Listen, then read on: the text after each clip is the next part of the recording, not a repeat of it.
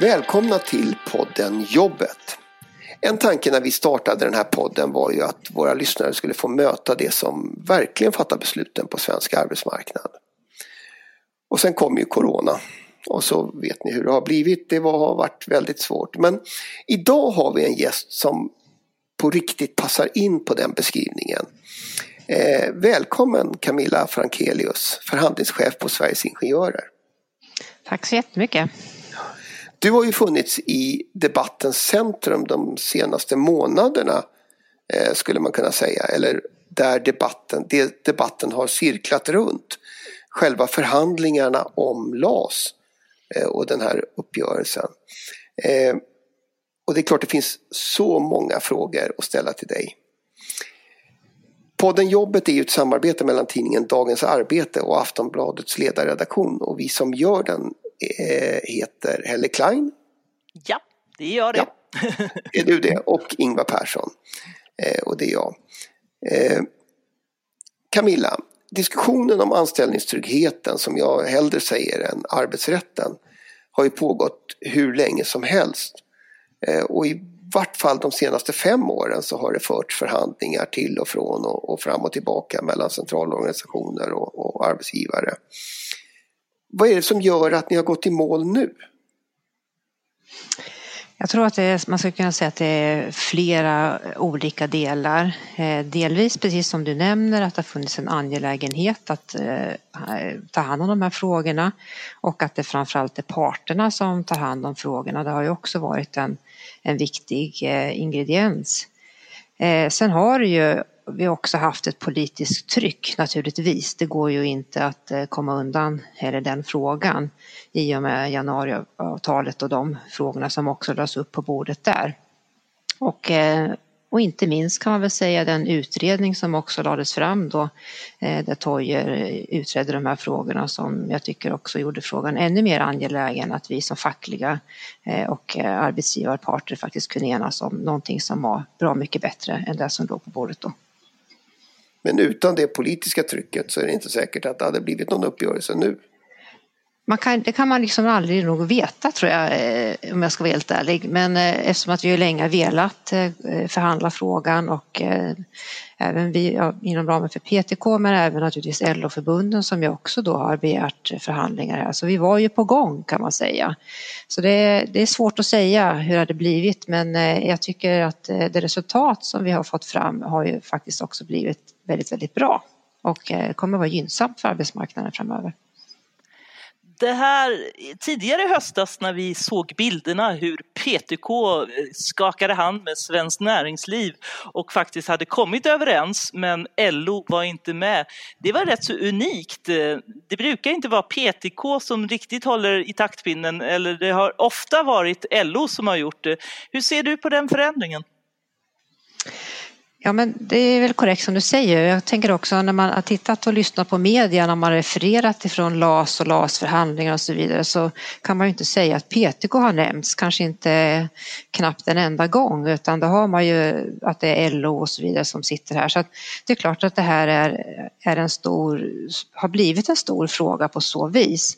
Men däremot så tycker väl vi att jag menar PTK har ju förhandlat många frågor eh, och eh, har också haft viktiga eh, uppgifter att göra. Men det här, det mest uppseendeväckande var väl kanske att PTK då gick fram med ett ja, men LO inte gjorde det. Det finns ju de som, som liksom lite mm, slängigt kanske tolkar det som att nu är PTK här, nu är ni ute efter att eh, splittra LO och försvaga LO. Och, eh, ligger det någonting i det?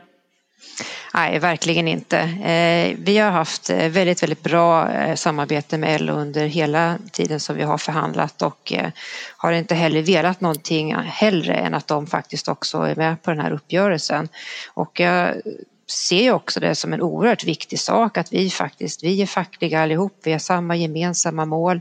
Vi vill stärka den svenska arbetsmarknaden, vi vill ta fram bra villkor för de som jobbar där och se till att vi också gör det tillsammans då med arbetsgivarna just för att parterna faktiskt ska bära fram det här. Så att verkligen inte utan snarast tvärtom innan vi går in på att diskutera själva överenskommelsen, vad den innehåller, så tycker jag det ändå är lite intressant att hålla kvar vid det här med tjänstemännens framryckning kan man säga.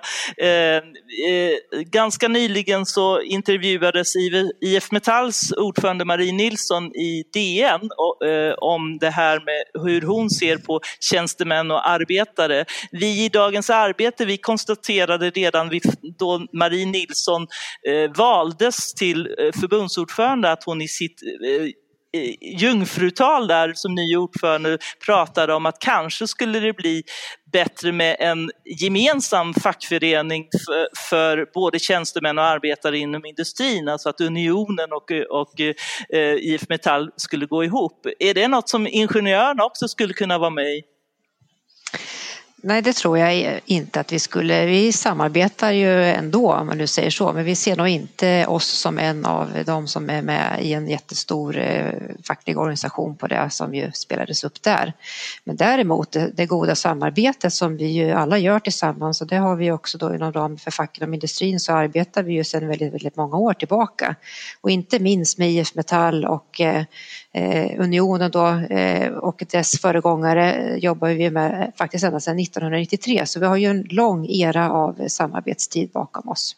Har det betytt något nu att ni fick med er IF Metall i överenskommelsen? Jag tror inte att det är det som har varit deras eh, absoluta ja, skäl till att gå med här utan det har faktiskt varit innehållet i, i det avtal som eh, låg på bordet.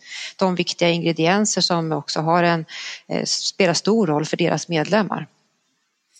Och då är vi ju helt naturligt som en sån där vacker P3-övergång eh, inne på själva innehållet i avtalet.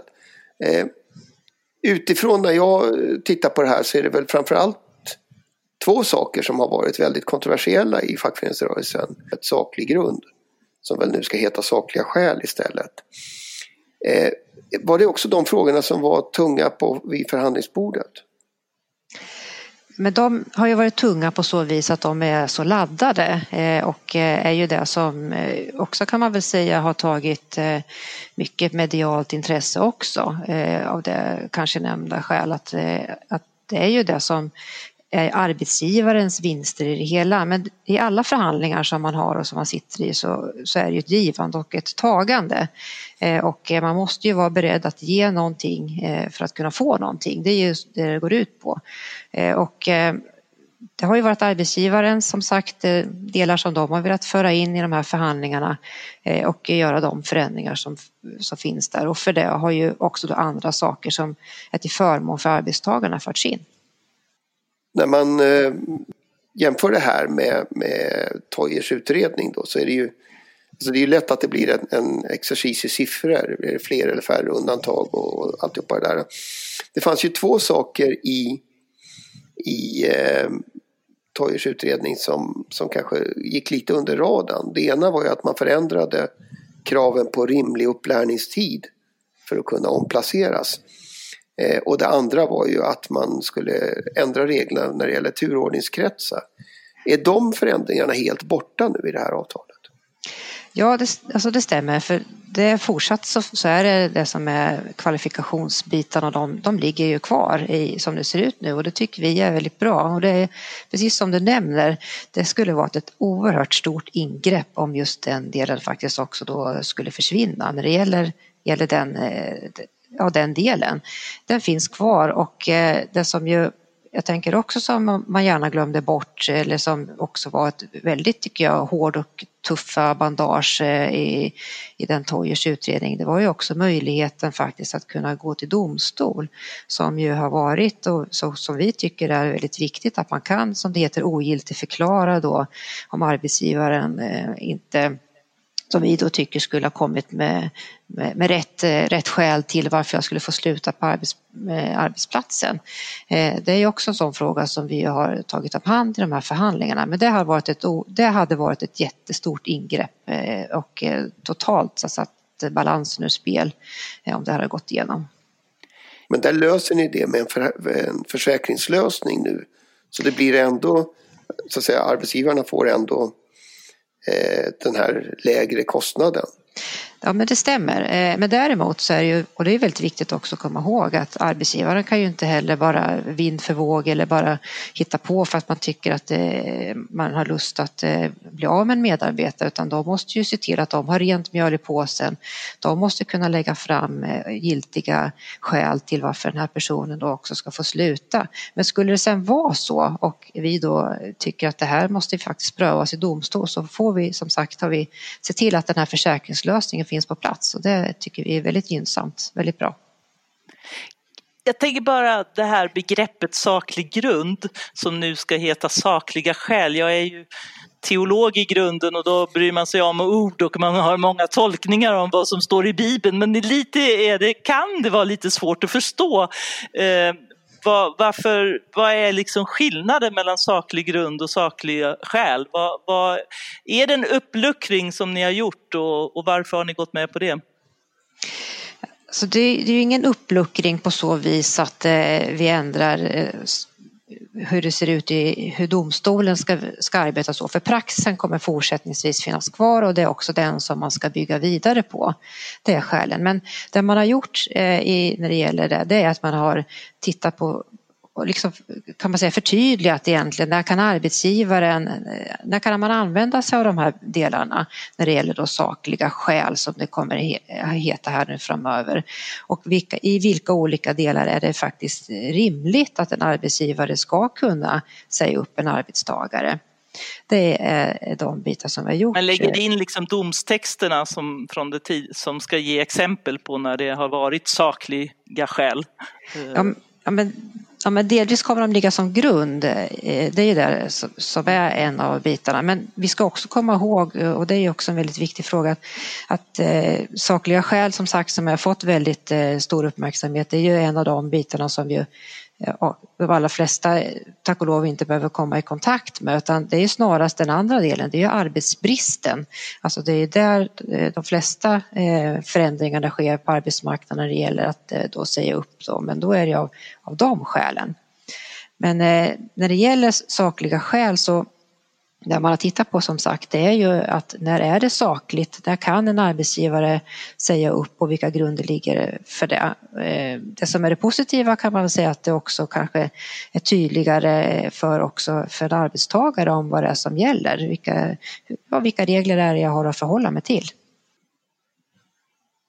Men, men eh, ja, nej. Eh, Vi blev stumma av tystnader. Ja, ja det, det, blir fort tyst i radio. Ja. Eh, nej, men, eh, som sagt, det här, turordningen är ju de, de stora, eh, den, den, det vanliga ändå. Men, men de här sakliga skälen, det finns väl ett skäl till att det har fått sån uppmärksamhet just eh, eh debatten om jag ska säga, risken för att man för, för rättsosäkerhet. Men det, det upplever du inte att den här eh, formuleringen kommer att leda till? Nej, jag tycker inte att eh, den leder till det utan kanske snarast en tydlighet. Alltså den förändring som också sker här som är är större då, det är ju möjligheten för omplacering. Att eh, det i princip kan man säga egentligen är en gång. Men det finns ju också en ventil där för att eh, vi vill ju naturligtvis inte se att det finns arbetsgivare som utnyttjar det här och omplacerar till en helt omöjlig tjänst som som skulle eh, få andra konsekvenser utan då kan vi som fackliga också syna den frågan. Men sen har vi också en annan fråga som, ju, som finns där, det är också det här att eh, som det heter prognos, eh, att eh, tidigare så har man ju också haft möjlighet att titta på att man har haft en medarbetare som har skött sig väl, som ja, är det troligt att den här personen kommer hitta på samma tokigheter framöver eller inte? Och då har man också kunnat använda den. Nu är det är det inte, ska det heller inte vara möjligt i den utsträckningen utan då tittar man mer vad är det som har gjort, vilket brott är begånget enligt det anställningsavtal som jag då har och det som jag då har gjort, eh, är det skäligt då att jag ska få sluta med anledning av det? Så det är väl de två stora förändringarna som, som är gjorda där. Men däremot så är det ju fortsättningsvis så att förhandla ska vi göra, vi ska ta hand om våra medlemmar och de ska liksom få en, en, en ordentlig genomgång av de förändringar som har skett. Och just kan man säga en sak som har varit väldigt viktig, inte minst i förhandlingarna, det är ju att se till att det inte blir godtyckligt. Eh, och det tycker jag vi tyvärr såg i Toyers utredning att det var eh, godtyckligheten som rådde faktiskt väldigt starkt där. Och den frågan tycker jag vi har omhändertagit då med de, i de delar vi har tittat på just när det gäller sakliga skäl. I fredags så hände ju detta dramatiska att LOs två största fackförbund, eh, IF Metall och Kommunal, anslöt sig till er överenskommelse med Svenskt Näringsliv. Ehm, och de motiverade det ju det med att de faktiskt hade fått förhandla eh, med er och faktiskt eh, kunna förändra lite i er ursprungliga överenskommelse. De lyfte fram detta med allmän visstid och hyvling till exempel. Eh, hur stora förändringar var det här? De här frågorna som ju har kommit in, de har ju också legat på bordet eh, dessförinnan. Eh, och jag skulle vilja säga att det inte har varit någon förhandling för vi har ju inte heller eh, gett någonting utan här har arbetsgivaren som jag tycker på ett mycket klokt sätt här, Svenskt Näringsliv, öppnat upp och gjort så att vi har fått ännu bättre förbättringar för arbetstagarna på den svenska arbetsmarknaden och jag tycker jag är väldigt klokt av Svenskt Näringsliv att bjuda till i den delen. Vem var det som uppvaktade vem? Var, var ni ute och uppvaktade IF Metall och Kommunal eller? Nej, faktiskt inte skulle jag vilja säga, eh, utan eh, det har ju de har ju, som, ja, som vi nämnde tidigare också, så har ju IF Metall varit väldigt öppna och tydliga med deras eh, önskan också när, när man inte då kunde enas inom ramen då för, Fello i det här fallet då när, när, när den tiden begav sig där. Så att så att eh, de har ju tydligt, skulle jag vilja säga, eh, sagt att eh, det här är någonting som vi tycker är viktigt för våra medlemmar. Och det som ju vi som inom PTK Svenskt Näringsliv så har vi ju ägnat mycket tid också åt här nu att anpassa avtalet till en huvudavtalspart och det har ju också tagit sin tid. Men också då möjligheten att faktiskt anpassa just för att se till att andra också ska kunna komma in och eh, kunna täckas av bättre villkor på den svenska arbetsmarknaden. Så det har ju varit ett arbete som vi då har gjort tillsammans med Svenskt Näringsliv. Men det, vad betyder det för legitimiteten? För det är ju i grunden så handlar ju rätt mycket av de här förhandlingarna om lagstiftning som ju kommer att träffa också de på svensk arbetsmarknad som inte har, har gått med på uppgörelsen om vi säger så. Mm. Ja men det stämmer och det är lika viktigt också att den träffar faktiskt arbetsgivare eh, som inte har kollektivavtal. För vi tycker att det är viktigt att det finns regler som är eh, stabila och det är inte, inte godtyckligt men också den här balansen som måste finnas på den svenska arbetsmarknaden. Så det träffar ju dem och att det blir schyssta villkor för alla och eh, villkor som också är konkurrensneutrala på så vis då att eh, man kan inte eh, hitta på eh, konstiga saker utan om man har ett regelverk att förhålla sig till och det tycker vi är viktigt. Och dessutom att det som sagt att det är möjligt att domstolspröva de här frågorna också så att det blir rättssäkert. Eh, så att det träffar ju liksom eh, alla om man nu säger så med de i, i de delar som också ligger i principöverenskommelsen. Sen är det ju så, de som ju då tecknar ett huvudavtal, de kommer ju få eh, lite bättre regler får man väl säga om man då skulle vara arbetsgivare här, att de får större möjligheter att, att eh, undanta personer och, och de bitarna. Men det som ju förmånen för oss arbetstagare i det här, det blir att vi får ju betydligt bättre regler i ett omställningsavtal som gör att inte bara de som blir uppsagda eh, har möjlighet att liksom få hjälp utan man har faktiskt det som anställd under sin anställning utan att jag som sagt behöver vara utsatt för att jag ska bli uppsagd så har jag ju faktiskt möjlighet att själv se över och kompetensutveckla mig på ett sätt som vi aldrig har sett eh, till make förut. De här, de här trygghetsavtalen, då pratar vi om, eh, om eh, TSL och, och TRR. Mm. TRR, just det. Mm. Mm. Och, och det tycker ni, det är en väldigt viktig sak för er del? Det är en oerhört viktig sak. Man kan ju säga att det är det som är eh, det positiva för, för medarbetarna när det gäller möjligheten då Eh, att kompetensutveckla sig. Och vi har ju länge pratat om livslångt lärande, det har ju varit ett stående ord men Men jag kan säga att det, nu kommer det också kunna bli verklighet. Nu blir det verkstad av just de här frågorna för det möjliggör också för arbetstagarna att på, alltså med, med egen vilja och med, med då resurser som arbetsgivaren skjuter till här att jag faktiskt också kan kompetensutveckla mig för sånt som jag tror kan vara bra för mig eh, framöver i mitt kommande yrkesliv. Det där är ju också någonting som jag vet att IF Metall har drivit länge också, en alldeles avgörande fråga för industriarbetarnas framtid med kompetensutveckling och möjligheten till omställning. Men om man ska vara lite krass kan man ju säga att ni har avstått anställningstrygghet till, till arbetsgivarens favör men att det är staten som sen går in och, och kompenserar, kompenserar när det gäller det här med, med omställning och, och studier och sådär. Eh, det är liksom all time high för arbetsgivaren. Ja, men inte helt rätt är inte den bilden för att eh, arbetsgivarna kommer få utökade kostnader som de kommer betala in i omställningssystemen. Så de, de får en eh, faktiskt högre prislapp även de också.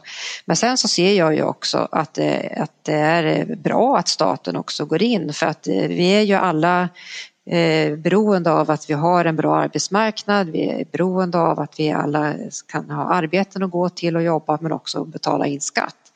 Eh, och det är till nytta tycker jag för hela samhället att man också ser till att de här sakerna kommer på plats. Och eh, som jag nämnde tidigare så så de som nu inte då ställer sig eh, bakom den här uppgörelsen, de kommer ju också då både som, ja, som arbetstagare få möjlighet att också kunna söka de här stöden, inte då i lika hög utsträckning för för de som ju har kollektivavtal, där toppar ju arbetsgivaren då upp så att då har jag ju en högre ersättning som ju de då står för och det gör ju inte staten. Men staten står för grundplattan och grundplåten till det här och det tycker jag är en väldigt viktig eh, del i vårt faktiskt samhällsbyggande och se till att vi, vi har bra och schyssta regler och möjlighet att kompetensutveckla oss framöver. Jag måste ändå fråga om det här med med de här eh, utökade undantagen från, eller möjligheterna att dra undan. Det är 15 procent eh, på den totala arbetsstyrkan, är det rätt? Ja, men det stämmer. Mm. Det är 15 procent. Men, ja. men, eh, men, nej, låt, låt mig, men, men, jag ska rätta dig, för det är inte 15 procent av hela ja. arbetsstyrkan, utan det är 15 procent av de som alltså då eh, blir föremål för en uppsägning, alltså ja. när arbetsbristen är, det är de 15, där får du 15 procent. 15 procent på, på, på den grupp som är arbetsbrist. Mm. Nej, men för, alltså min fråga är egentligen, det där kommer ju att beröra i första hand större arbetsplatser då kan man säga, det, eftersom det ändå är ett antal.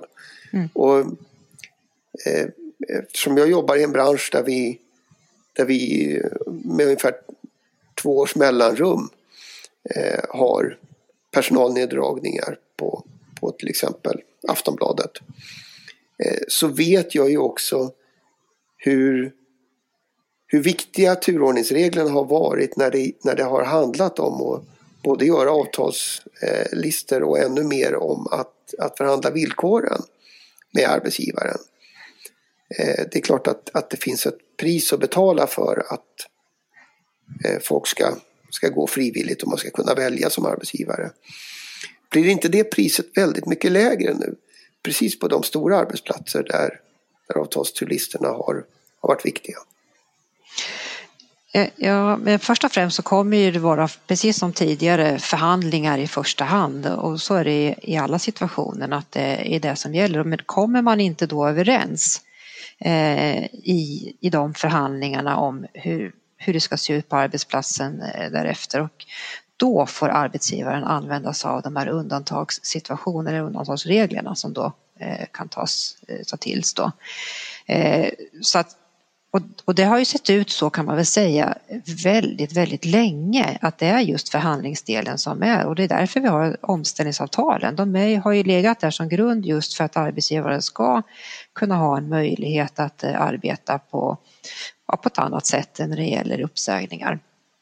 Och när det gäller just undantagsbiten så ska man ju också komma ihåg att när man har, när man har gjort de här undantagen, vare sig det är de här tre eller, eh, eller man går på de här 15 procenten som ju då beroende på om man är en stor arbetsgivare så måste ju sen arbetsgivaren turordna alla anställda därefter, alltså då inte bara de som är berörda av arbetsbristen utan alla anställda på arbetsplatsen. Eh, och det är klart att det är ett omfattande arbets, eh, arbete som kommer krävas där. Och jag tror att man i de allra flesta fall faktiskt kommer att eh, försöka enas och komma överens då i förhandlingar kring de här frågorna. Jag funderar på liksom, vad händer nu då? Ska ni, ska ni nu eh, förhandla med staten? Om förändringar där menar du? Ja. Ja, du tänker på principöverenskommelsen och grejerna. Ja, ja precis. Eh, ja, alltså nu, nu kommer det ju fortsätta arbetet där, där man nu kommer sitta i, i lite olika delar och, och eh, omhänderta just de här frågorna som vi nu har lagt in till, eh, till staten. Så nu kommer man ju jobba vidare med, med just de frågorna. Det är planen.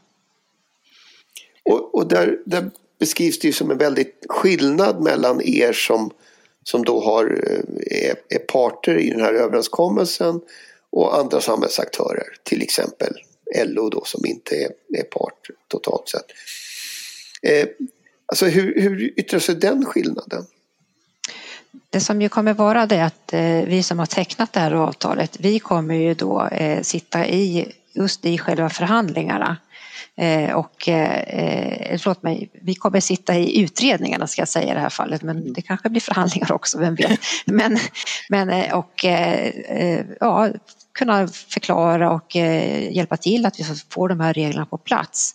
Det är det som är skillnaden. Medan naturligtvis så precis som det kommer att vara för TCO och SAK och så vidare och andra aktörer också för den delen så, så kommer man ju kunna ha eh, åsikter och eh, kunna lämna in eh, synpunkter på, på det förslag som också då kommer ligga.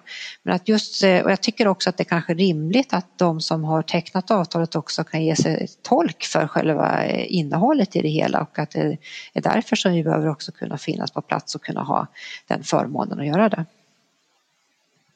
Och och den här invändningen som då kommer från, från till exempel en del LO-förbund som, som säger att våra medlemmar kommer ju att påverkas precis lika mycket av de lagstiftningsförändringar som blir. Eh, den, den tycker du inte riktigt räcker till då? Jag, alltså jag tror alla vi är måna om, vilket vi har precis gjort i det här avtalet också, att det ska bli bra för hela den svenska arbetsmarknaden och eh, de förändringar som ju kommer kommer läggas fram. Så att det, det, är väl det som vi alla kommer att ha för, för ögonen. Men just att ge sig till tolk för själva innehållet i eh, den här principöverenskommelsen och huvudavtalet, det tycker vi är viktigt att det är de, de parterna som har träffat det ska göra det. Men det är fler som kan ansluta sig till överenskommelsen men inte förändra den eller vad de Mm. Precis, men den dörren är ju öppen eh, så att, eh, och det välkomnar vi verkligen att det är fler som gör det. Vi hade ju som sagt velat att eh, alla hade stått bakom det här. Det hade varit det bästa. Bedömer du att Toijer-utredningen nu är helt dödförklarad och lagd i papperskorgen? Ja, det bedömer jag och jag hoppas verkligen inte att den väcks till liv för den hade varit ett dråpslag mot den svenska arbetsmarknaden för arbetstagarna så att jag hoppas att den är begraven ordentligt. För, för, om man har lyssnat på Liberalernas eh, partiledare så har det ju varit lite två spår hela tiden där. Att eh, Toijerutredningen ligger men sen ska vi också se på överenskommelsen och det har varit lite svajigt. Centern har varit tydligare kan jag tycka med att det nu är överenskommelsen. Men eh, hur tolkar du det politiska läget? Nej, men jag, jag, kan hålla med dig där att det har känts lite svajigt faktiskt. Eh, jag tycker väl att nu får väl politikerna ta och satsa på en häst eh, och då är det den här utredningen som är det som, som gäller och att det andra verkligen får läggas åt sidan nu.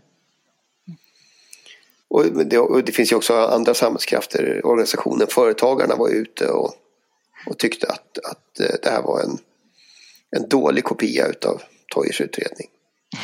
Ja, då tycker jag de har läst dåligt faktiskt. Eh, eh, men det är klart att har man, vi ska inte glömma bort att det är, det är ju småföretagare och så som de också eh, har i sina led. Många av dem är ju också, småföretag är ju också medlemmar i arbetsgivarorganisationer och att den möjligheten finns. Och det är väl också bara att uppmana att, att ansluta sig till en arbetsgivarorganisation för man får ju väldigt bra stöd och det blir också en trygghet för dem likväl som det blir för arbetstagarna på arbetsplatsen där också. Så att, Eh, men jag, jag delar inte riktigt deras bild över den frågan, helt klart inte.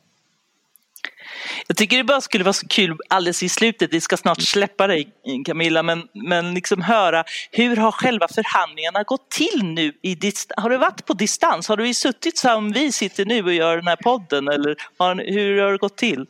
Nej, vi har faktiskt eh, träffats, det har vi gjort under hela den här tiden, men vi har ju coronasäkrat oss och vi har väl använt eh, handsprit, ja, jag vet inte, eh, tonvis eh, och så, men att se till att vi försöker hålla avstånd och, och så. Och vi har också umgåtts eh, Eh, ett, visst, ett visst gäng, om man nu säger så, eh, som också varit med och jobbat där. Så att eh, vi har träffats fysiskt och jag tror också att det har varit, skulle varit väldigt svårt att ha de här förhandlingarna på det här sättet, även om man kan göra väldigt mycket i den digitala formen. För det där är intressant att det förtroendeskapande kanske ändå trots allt kräver det fysiska mötet. Ja. Det skulle jag verkligen säga att det är, att det är så att, och just att det krävs just det här förtroendefulla men också eh, samtalen som finns bredvid och kanske utanför förhandlingsrummet också, de har betydelse. Man måste kunna slå i dörrarna. ja, det måste man. Nu har vi slagit, ska jag tycka, faktiskt väldigt lite i dörrarna, tack och lov. Karmarna sitter kvar fortfarande. Nej, men det, just, jag tycker det har varit en bra, bra och god stämning och alla har ju haft samma mål att kunna komma fram till ett bra avtal så att det, det har varit bra på så sätt. Det är andra dörrar då, slagits i Ja, kanske det kanske. LO-borgen kanske skakar lite mer. Som sagt, eh, tusen tack för att vi fick ställa de här frågorna och ehm, så fortsätter jobbet då eh, för er del. Vi ska fortsätta att bevaka vad som händer med LAS-frågan både från Dagens Arbete och från Aftonbladets sida. Eh, Camilla eh, Frankelius, ehm, tusen tack! Tusen tack själv för att jag fick vara med. Väldigt ja. kul och roligt. Ja. Tack! Och podden Jobbet återkommer. Eh, kanske i den här formen med spännande gäster. Eh, kanske med i eh, någon annan form. Det är väl till exempel så att du och jag Helle kommer att få försöka sammanfatta det här året som har varit alldeles galet när det gäller inte bara corona utan också saker som har hänt på arbetsmarknaden. Ja, vi borde ha en nyårsspecial. så får det bli. Tack så hemskt mycket och välkomna tillbaka. Hej då! Hej då!